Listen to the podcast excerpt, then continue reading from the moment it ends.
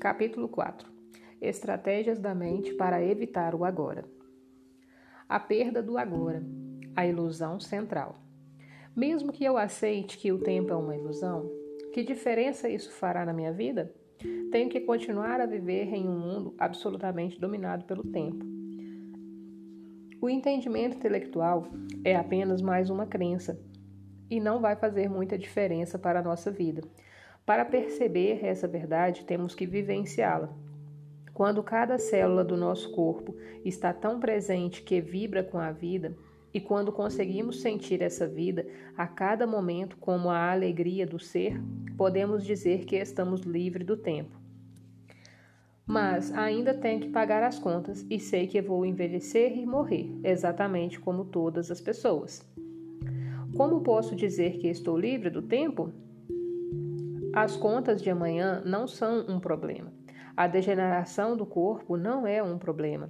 A perda do agora é o problema. Ou melhor, a ilusão central, que transforma uma situação simples, um acontecimento ou uma emoção em um problema pessoal e em sofrimento. Perder o agora é perder o ser.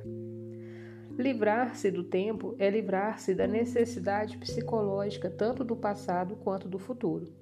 Isso representa a mais profunda transformação de consciência que você possa imaginar.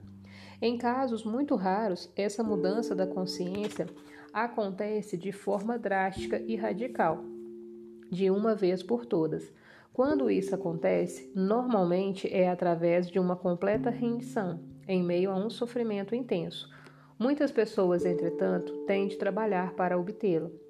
Depois dos primeiros vislumbres do estado atemporal de consciência, passamos a viver em um vai e vem entre a dimensão do tempo e a presença. Primeiro, você começa a perceber que a sua atenção raramente está no agora. Entretanto, saber que você não está presente já é um grande sucesso.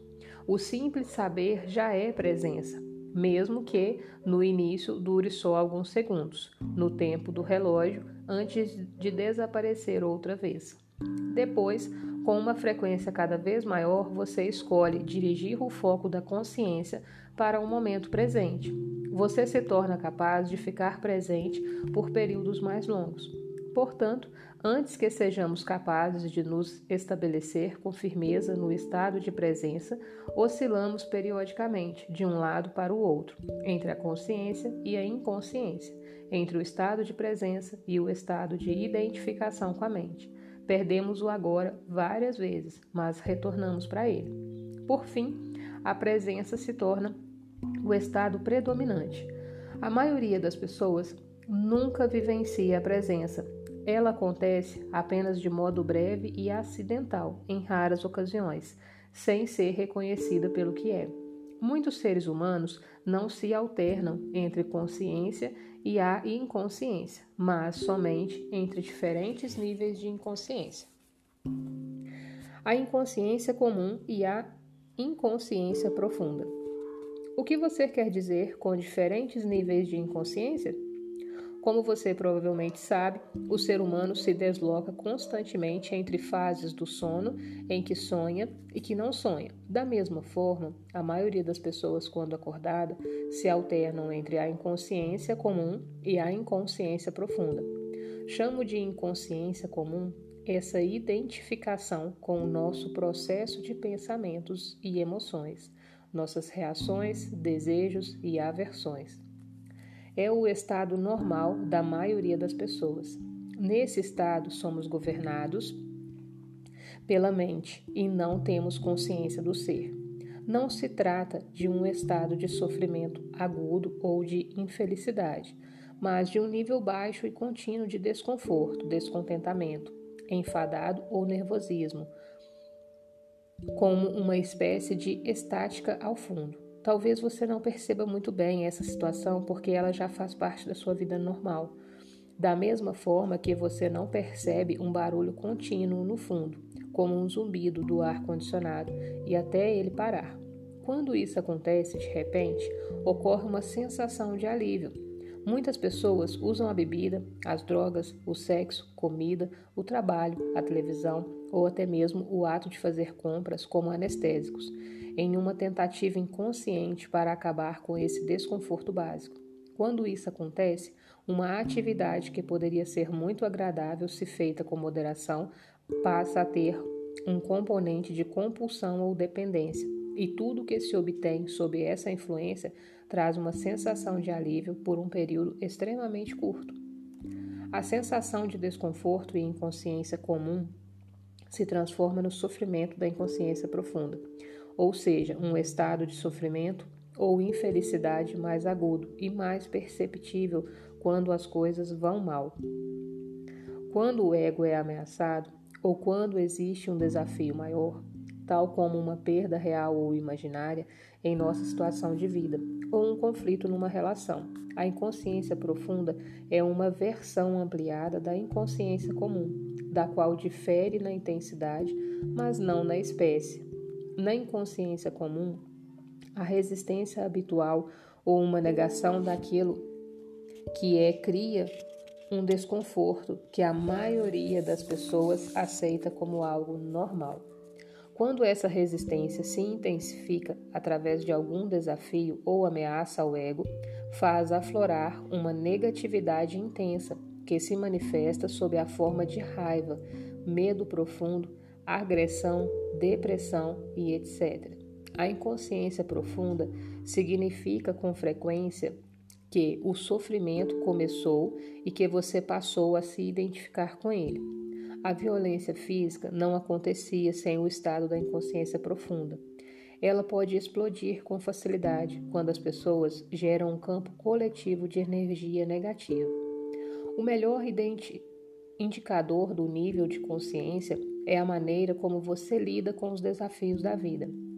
É através desses desafios que uma pessoa já inconsciente tende a se tornar mais profundamente inconsciente, e uma pessoa consciente se torna mais intensamente consciente. Podemos nos valer de um desafio para nos acordar ou para permitir que ele nos empurre para um sono ainda mais profundo. O sonho, no nível da inconsciência comum, se transforma então em um pesadelo. Se você não consegue estar presente mesmo em situações normais, como por exemplo quando está sozinho em uma sala, caminhando no campo ou ouvindo alguém, certamente não será capaz de permanecer consciente quando alguma coisa vai mal. Será dominado por uma reação que é sempre, em última análise, alguma forma de medo e empurrado para a inconsciência profunda. Esses desafios são os seus testes. Só o modo como você lida com eles lhe mostrará onde você está, no que se refere ao seu estado de consciência, e não a quantidade de horas que você consegue ficar sentado com os olhos fechados. Portanto, é fundamental colocar mais consciência em sua vida durante as situações comuns, quando tudo está correndo de modo relativamente tranquilo. É assim que se aumenta o poder de presença ele gera um campo energético de alta frequência vibracional em você e ao seu redor. Nenhuma inconsciência, nenhuma negatividade, nenhuma discórdia ou violência pode penetrar nesse campo e sobreviver, do mesmo modo que a escuridão não consegue sobreviver na presença da luz. O que eles estão buscando?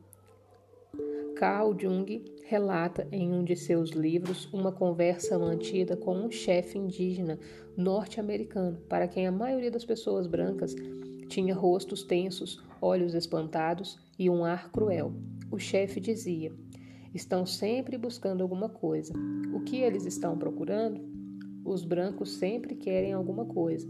Estão sempre agitados e descontentes. Não sabemos o que desejam. Achamos que são loucos.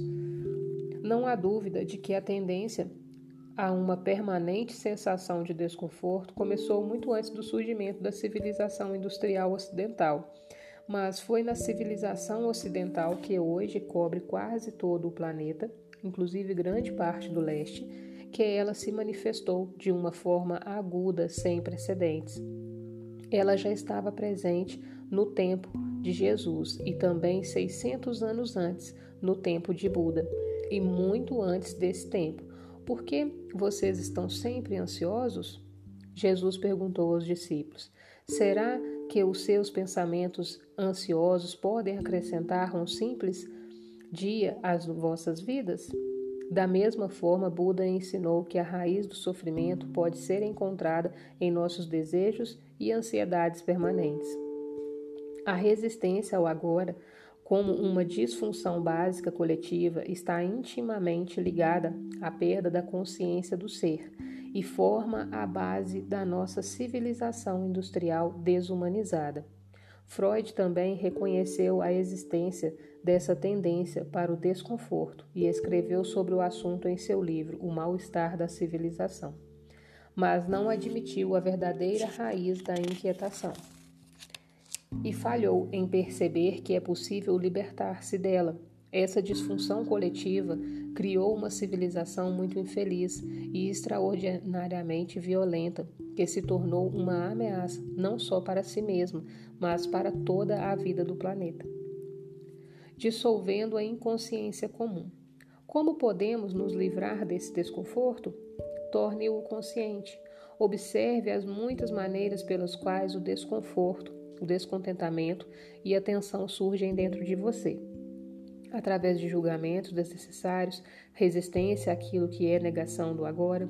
Qualquer coisa inconsciente se dissolve quando a luz da consciência brilha sobre ela. Se soubermos como dissolver a inconsciência comum, a luz da nossa presença irá brilhar intensamente e será muito mais fácil lidarmos com a inconsciência profunda. Mas, no início, talvez não seja muito fácil detectar a inconsciência comum, porque a consideramos uma coisa normal. Habitue-se a monitorar o seu estado mental e emocional através de uma autoobservação. Estou me sentindo à vontade neste momento? É uma pergunta que você deve fazer com muita frequência, ou pode se questionar: o que está acontecendo dentro de mim neste exato momento? Mantenha o mesmo nível de interesse pelo que vai tanto no seu interior quanto no exterior. Se você captar corretamente o interior, o exterior se encaixará no lugar. A realidade principal está no interior. A realidade externa é secundária, mas não responda logo a essas questões. Direcione a sua atenção para o interior. Olhe para dentro de você.